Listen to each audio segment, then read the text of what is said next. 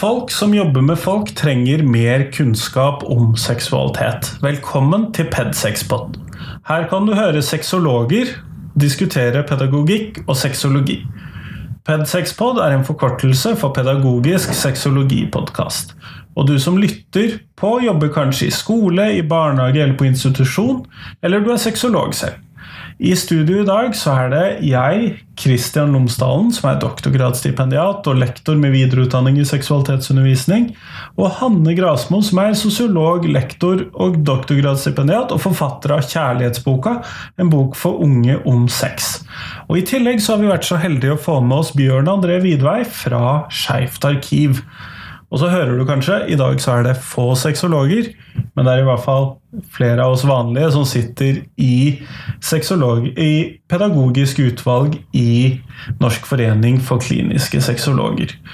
Og vi skal snakke i dag om eh, hvorfor historie, hvorfor det historiske perspektivet er viktig, og hva trenger man å vite som lærer, undervisningspersonale, barnehagelærer om kjærlighet, samliv, forhold, seksualitet, lov og rett fra veldig tidlige tider fram til moderne tid, som vi egentlig vet veldig mye om, når ting endrer seg for ca. 50 år siden. Etter det så vet vi en del mer. Før dette så vet vi veldig mye mindre. Her er litt om hva vi vet. Eller så fins det flere muligheter til å få vite noe om dette, og det kan man finne f.eks. på skeivtarkiv.no. Eller så er denne episoden spilt inn på Why Queer History Matters-konferansen i Bergen. Den er spilt inn utendørs, og det hører man underveis i innspillingen. Men her får du episoden. Vær så god.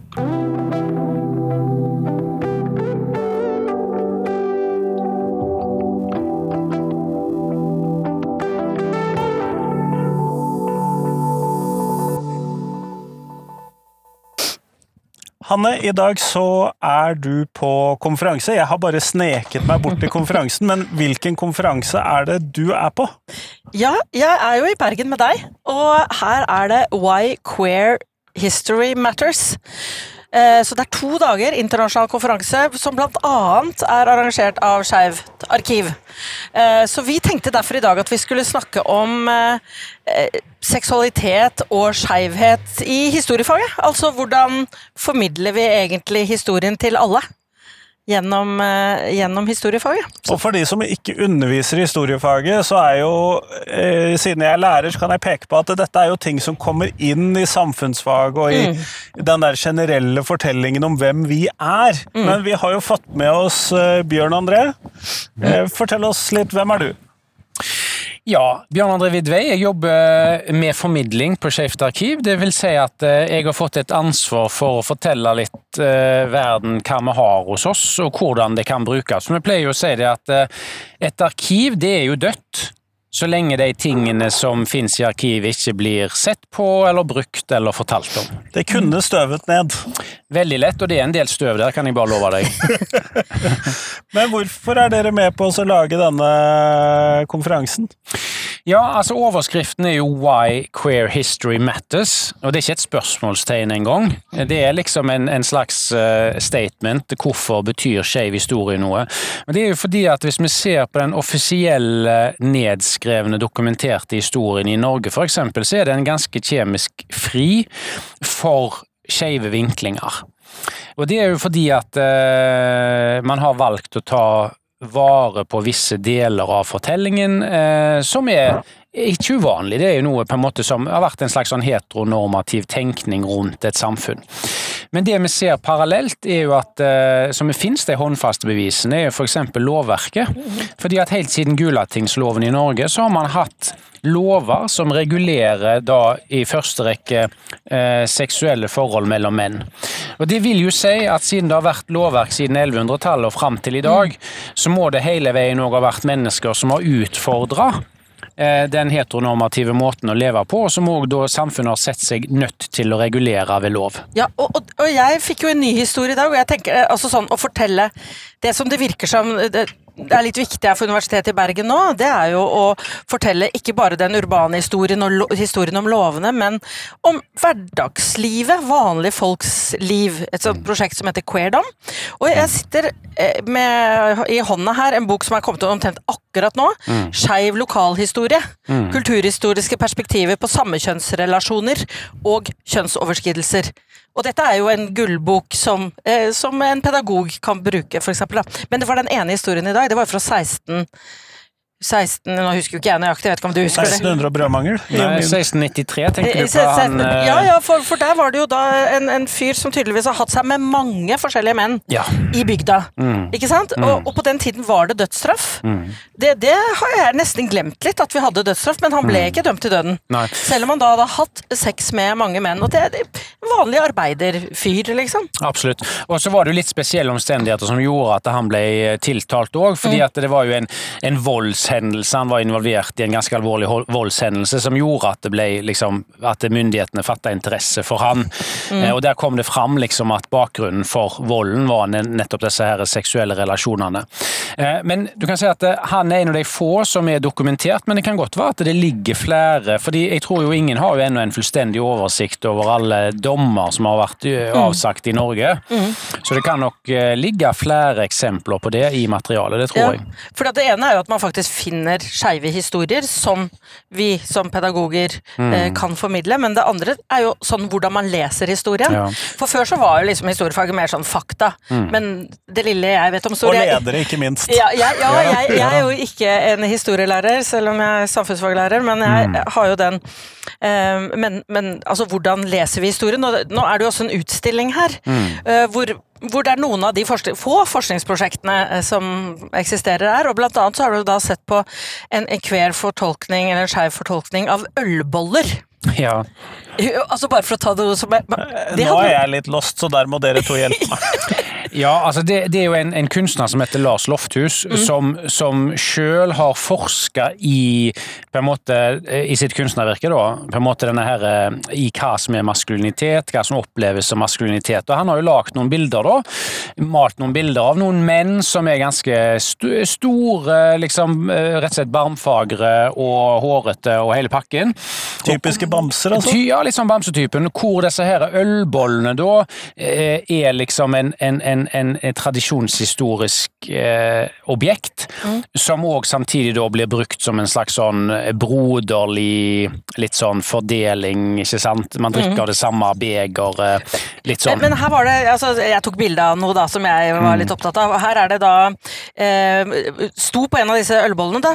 Der drakk en mann av meg i natt, så han forsto for to, forlod både huve og hatt. Absolutt. Og liksom, drakk man av ølbollen? Eller drakk man av hverandre? Det hørtes ikke helt sånn ut. Nei. Nei. men det, det, det, det, så, sånn det, det, ligger noen tvetydigheter i mm. mange av disse objektene historisk òg, som man mm. kanskje ikke har Men man fastslår jo ingenting, man bare åpner opp for at fins det her liksom en, en, annen måte at de har sett på dette. Ja. Og akkurat i den samme, samme utstillingsmonteren som de ølbollene, mm. så står det jo like under så står det jo noen jomfrubeger, såkalt. Mm. Og det var noe man brukte da i bryllup i gamle dager. Mm. Eh, og den, De jomfrubegerne det er nesten, Du kan se for deg en slags sånn kvinnefigur som ser ut som et stort skjørt med et lite hode på toppen. Mm. Og Da var det sånn at kvinnen da, i, som inngikk ekteskapet, hun drakk fra det lille hodet på toppen. og Så snudde man jomfrubegeret opp ned og fulgte det store skjørtet opp med drikker som da mannen skulle drikke av. ikke sant? Så Symbolikken er jo veldig sterk i det òg. Ja, for det er selvfølgelig ikke bare skeiv historie vi snakker om. Altså, vi snakker jo også om, siden vi har om seksualitet, altså mm. hvor mye forteller man om seksualiteten ja. Inne i historiefaget. Og, og det var jo også sånn der, her er det, Du kan se bildet, nå ser jo ikke dere det, men jeg kan mm. si her er det tre tredildoer som er funnet i ja. Eller falloser. Mens mm. disse ses faktisk som bruksgjenstander mer enn en, en, en, en kunstgjenstand. Altså det er tre mm. utskjærende treløse uh, peniser. Ja, de, de, ble jo funnet uh, under utgravninger på Bryggen. da på mm. 50-tallet, eller mm. tilbake til 30-tallet, det aller tidligste, tror jeg. Mm. Og den gangen så ble de da klassifisert og lagret som nagler, trenagler. Sto det liksom på sånne små gulna lapper. Eh, at dette var, fordi det var jo ingen, sant? Når man finner et sånt objekt i, i bakken, så ligger det jo ingen kontekst rundt som forteller hva det nødvendigvis har vært brukt til. Så da landa de altså på nagler. Men så ble du gjerne henta fram til utstillingen da, som åpna nå før sommeren, og da eh, liksom, snakket man litt mer åpent om at muligheten for at disse faktisk hadde brukt, vært brukt helt andre ting enn nagling, fordi eh, det skal være ganske svært det du skal henge opp hvis du skal bruke det der, der som nagler. Da snakker vi Og fasongen, altså det ser livslikt det, var, det, kan, det kan sies. Det, du forstår hvor inspirasjonen kommer fra, så du skal være godt blind, tror jeg, hvis du ikke ser den. Og for de som hører på, de kan søke opp Bjørn André Vidvei og Nagler og Bryggen sammen, så får man opp en del eh, illustrerende bilder eh, som avisen Bergensavisen hadde Ja. valgt ut kanskje litt av tabloide hensyn. Ja. Ja, men, men, sies. eh, ja, men, men det, jeg vil bare litt tilbake igjen, for de som har fulgt med på Ped6pod før, de vet jo at vi har noen holdninger til seksualitet og pedagogikk. Og, og det, si, det som er så viktig, er jo da at hva er det vi gjør når vi inkluderer seksualitet, når vi inkluderer skeivhet, i et annet fag enn nå har vi eh, temadagen om skeiv. Eller nå har vi liksom den delen i KRLE hvor vi skal snakke om de andre. Men at vi faktisk snakker helt sånn, bare som en liten ting. Ikke den store tingen, men ok, her har vi noen objekter, de kan tolkes slik og slik. Eller her er det en historie om den skeive personen. Altså at man i alle fag inkluderer, er en mye mer inkluderende liksom, pedagogikkpraksis, da, tenker jeg, enn det der å ha nå har vi liksom skeive temadager på skolen. Jeg tror det handler om å få en litt større bevissthet rundt dette her òg. At det at mennesker har brutt normer for kjønn og seksualitet og uttrykk, det er noe som historisk beviselig har vært til stede så lenge vi vet. Eh, og det er jo det som Og det kan jo gjøre det hele litt mer interessant òg, da, tenker jeg. Litt mer spennende. Og faktisk på en måte prøve å finne de eksemplene. Og jeg tenker også at annen, en annen eh, De fleste museer, f.eks. arkiv og sånne ting, kanskje òg skoler, har jo altså, tilgang til bildearkiver. Det finnes jo søkbare bildearkiver på nett. Og jeg syns alltid det er spennende å bla i dem å ta et random bilde fra noen som levde for 150, nesten 200 år siden, og se på de bildene. Hvis du ser godt etter, så ser du på de bildene at der er det noen mennesker som kanskje har en litt annen historie. Det, er ikke så, det krever ikke så stor fantasi. For, du må bare liksom se på det med det blikket. Hva er det jeg ser etter her? Ja. Ikke sant? Ja, og altså, Jeg er jo opptatt av at elevene skal kunne også speile seg i historien, men jeg synes altså professor Tone Hellesund, som jo er ja, hva skal vi si, grunnlegger, altså, eller pådytter for Skeivt arkiv, og, og liksom er professoren her nå. Men ø, hennes åpningsforedrag i dag, så snakket hun på den ene siden om ja, men alle de som sier at dette er unaturlig, dette var jo ikke en del av Dette er noe som Dette kom på noe 70 nytt motegreier noen motegreier som kom på 70-tallet, LHBT-agendaen og liksom alt det der. De trenger å vite om historien som du nå forteller om. Men det som var litt sånn nytt som jeg ikke har tenkt så mye på, var at ja, men også de skeive aktivistene er kanskje litt historieløse. Absolutt. Som tror at ja, alt var mørkt og trist før, Ja, ja. ingen gjorde noen ting, og nå er det nytt. De vet ikke om de gamle kategoriene. Altså, hva er den som jeg elsker? Totuling? To- Tvitulling. Tvitoling, altså at du bruker to verktøy, Mm. som det kan bety For meg kan det bety bifil, ikke sant? Ja, ja. det vil jo da speile meg, eller det kan bety gender fluid, Og så eller det kan et, et, bety et, et ord som heter boing, for eksempel. Ja. Som òg ligger i en slags boing, en forståelse av at man er både og, eller begge deler, eller altså sant, Som er historiske eh, Og- benevnelser. Og da er det litt interessant at det Mm. kanskje var altså, mer genderfluid enn det LHBT-bevegelsen var si på 80-90-tallet. ikke sant? Altså vi, vi, vi som er skeive og er aktivister, vi også trenger Mm. historien for å se oss selv i et nytt lys. da. Og det, mm. Ja, ja. absolutt, absolutt. Og så kan du si at det finnes jo andre interessante eksempler fra historien òg. Vi vet f.eks. at si eh, hvis det var, Vi vet jo noen historier om f.eks. kvinner som i visse tilfeller har tatt over mannsrollen fordi mannen falt fra. F.eks. i fiskersamfunn hvor mannen døde. Så måtte kona da ta over f.eks. hans plikter på havet. Og da ble hun på en måte gjerne eh, ble sett på og forventa like mye som av en mann, og hun tok på seg en slags mannlig Kall det et uttrykk, eller Hun altså, ble mannliggjort, rett og slett. Ja, ja. i sin eh, eh, Og det er jo historier som handler ikke om seksualitet, det handler om, om Det er jo en slags skeiv historie, for det er en historie som bryter med et, et, et, et vedtatt vanlig måte å tenke på ting. Mm. Da var det jo av en dyd av nødvendighet, mm. som en slags overlevelse. Men det syns jeg er et interessant perspektiv. Ja. Hun som da fikk den der mm. mannerollen, ikke sant. Og vi mm. kjenner det jo fra andre kulturer òg, um, utenfor Norge. Så, så, vet vi jo at for eksempel i, i, blant, uh, i, i, i Amerika Mm. Blant indianske stammer og sånt der, mm. eh, var det jo eh, begreper rundt dette her som var såkalt bedash, som, mm. var, som var two spirits. Ja. Som òg var mennesker som på en måte ikke, ikke hørte hjemme verken her eller der når det gjaldt kjønn. De var, mm. de var two spirit, de var begge deler. Mm. Og der finnes det jo òg eh, Det var jo heldigvis Hiryane i ja, det tredje kjønn i India. Absolutt, absolutt. Og når det gjelder det i USA, eller det som var Amerika da, så, så, så, så var det jo såpass seint at det allerede var kommet muligheter for å ta eh, foto av dem. Så det finnes jo fotografier mm. av disse menneskene. Mm. Eh, så, det, det, er jo, det er jo interessant, en del av historien det er heller ikke en veldig del av den offisielle amerikanske mm. historien. Nei, nei, nei. Absolutt ikke. Eh, men, men, også den nære historien, da. Altså, sånn, altså, hva som faktisk har skjedd. Og der blir det jo fort lover og sånn. Den, mm. den, tror jeg er mer til stede i samfunnsfagene, i hvert fall. Absolutt. Altså å fortelle den historien. Men jeg, jo, jeg er jo også norsklærer, og jeg, i sommer har jeg tatt for meg Kristin Lavransdatter og hørt på podkast med Salongens lesesirkel. Og da er det jo interessant ting som jeg aldri har hørt i historie før. Og, eller i norsk, fordi som man går gjennom Kristin Lavransdatter, det er jo mm. Magnus. Eh, på 1300-tallet. Eh, han ble jo barnekonge, eh, men han hadde et stort problem, for han hadde så mye rykter om at han var smek. Mm. Som da betyr homofil feminin. Og også han ble kalt rager, som er mer homofilt mann. Eh, og, og, og, det er en stor passasje i Kristin Lavransdatter om hvordan han, det blir gjort opprør mot han. Mm. Blant annet på bakgrunn av dette. Det blir råtne riktignok, og også at han må reise rundt i Europa og få seg en kone for å få liksom fått ned ryktene. Og dette snakker vi jo ikke om i litteraturen! Jeg kan ikke jeg huske, i hvert fall. Så, så, det er også sånn den historien da, den fins rundt oss, og så har man kanskje bare lest fort forbi det. Mm. Og ikke lagt merke til at dette var faktisk politisk viktig òg. Mm. Men, og du trekker jo der fram en sånn typisk kongehistorie, og historiefaget har jo i stor grad, eller skolen og det når den har tatt for seg mennesker som har levd liksom før 1800-tallet, så har det alltid vært disse store mennene, og så av og til konene deres. Mm. Sjelden frittstående kvinner og mm. sånn. Men så nevnte dere jo helt i begynnelsen av denne historien fra 1693, som da tydeligvis var en arbeiderperson. Mm. Ja. En, hvem som helst. Ja. Mm.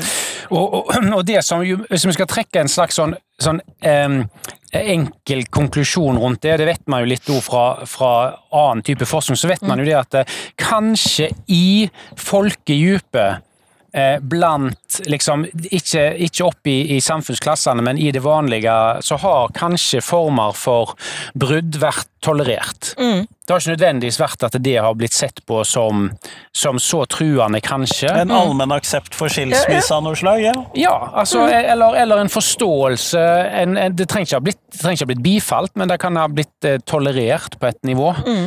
Eh, at, man, eh, at, man, har liksom levd på, på, på, visse måter, og at det kanskje på en måte er eksempel òg. Men det var et annet eksempel om når det gjelder kvinnelig eh, samkjønnhet eh, fra 18 1947 mm. som jente i norsk høyesterett, hvor det var ei dame, eh, Simonette Wold, som ble da tiltalt for eh, sodomi pga. at hun hadde et forhold til kvinner over tre tiår.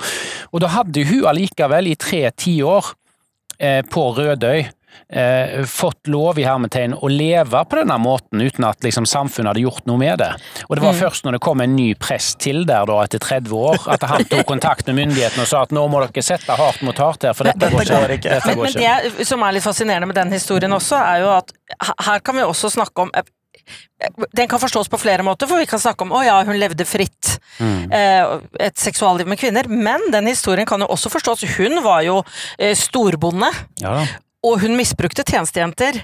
Så det er også en historie om hvordan forstår vi mm. kjønnsrollene her. Det er noen metoo-perspektiver. Det er noen metoo-perspektiver i den, som, som, mm. også sånn Dette forteller jo også historiene, så da må jeg bare trekke fram Jeg, altså, jeg, jeg driver jo også med sånn game Game Studies og gamehistorie, og, og tidvis er jo et firma som lager sånne historiske spill fra 1700-tallet. Mm. Det ene som har kommet ut nå, heter Fru Sems valg. Ja. Og det er jo ikke arbeiderklasse, men hun er borger i Kristiania.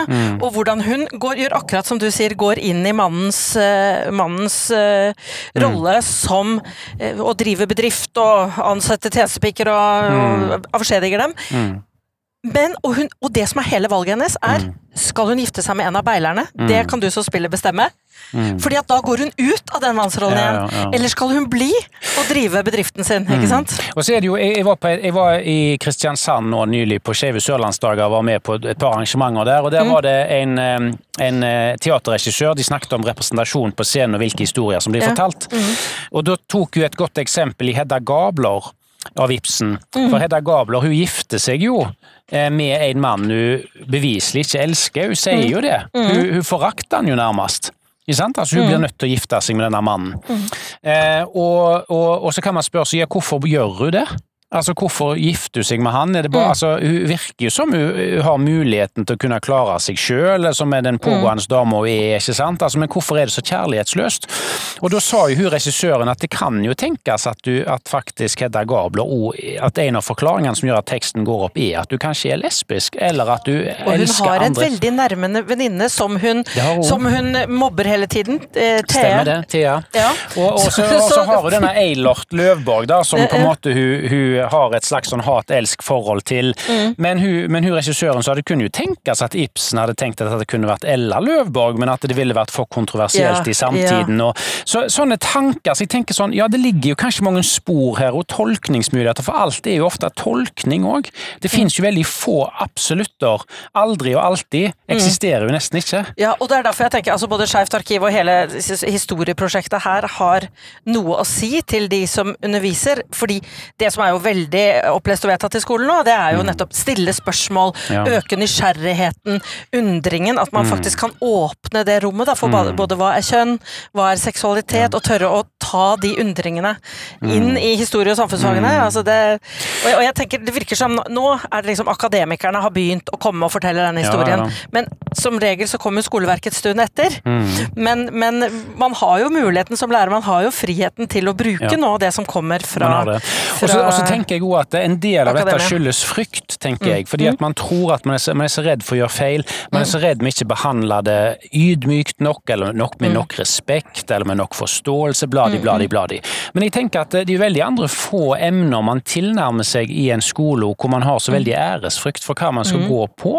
Altså Man går jo på med det man har av liksom forståelse der og da. Tidvis dessverre. Jo, men, prøv, jo, men men det er jo en slags en sånn, sånn bramfrihet i det òg, At man liksom bare tenker ok, hva ligger her? Vi vet ikke, men vi kan prøve.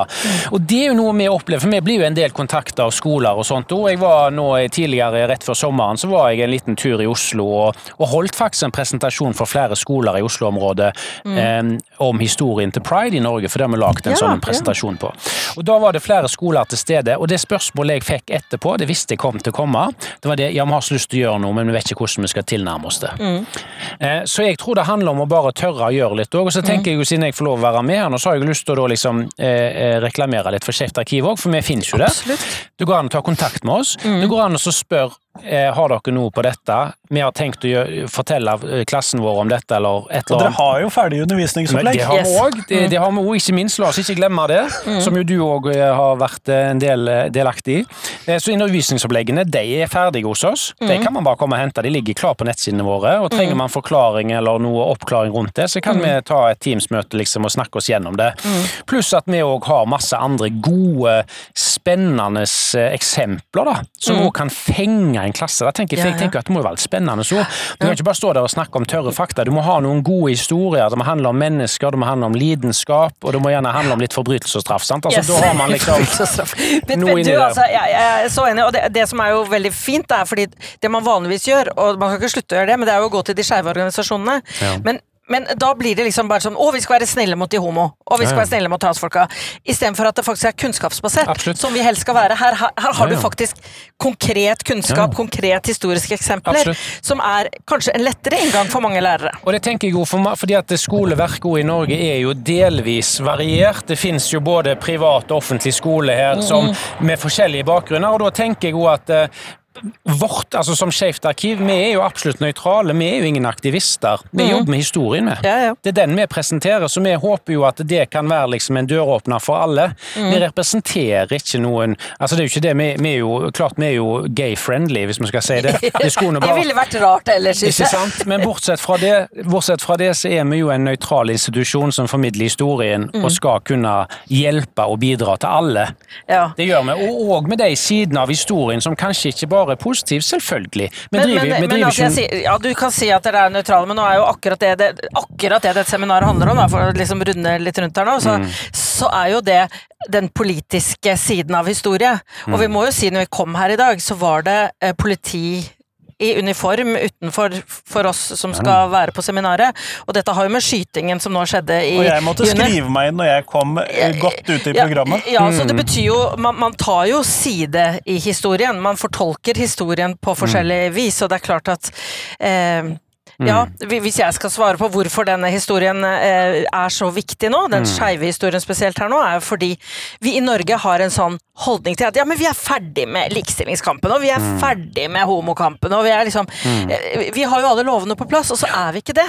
Vi, vi, det er holdninger i samfunnet vårt, det er motsetninger i samfunnet, det er Hat i samfunnet. det er hat i samfunnet, så, så det betyr noe akkurat nå.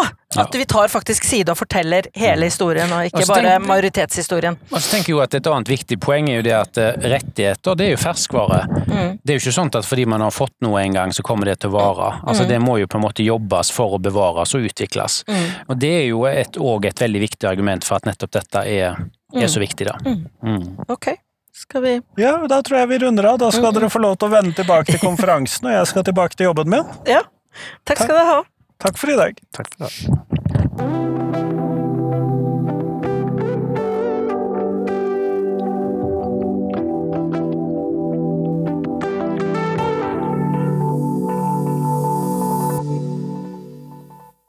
Vi takker alle som har funnet veien hit og brukt tiden sin på historisk seksualitet, kjærlighet osv.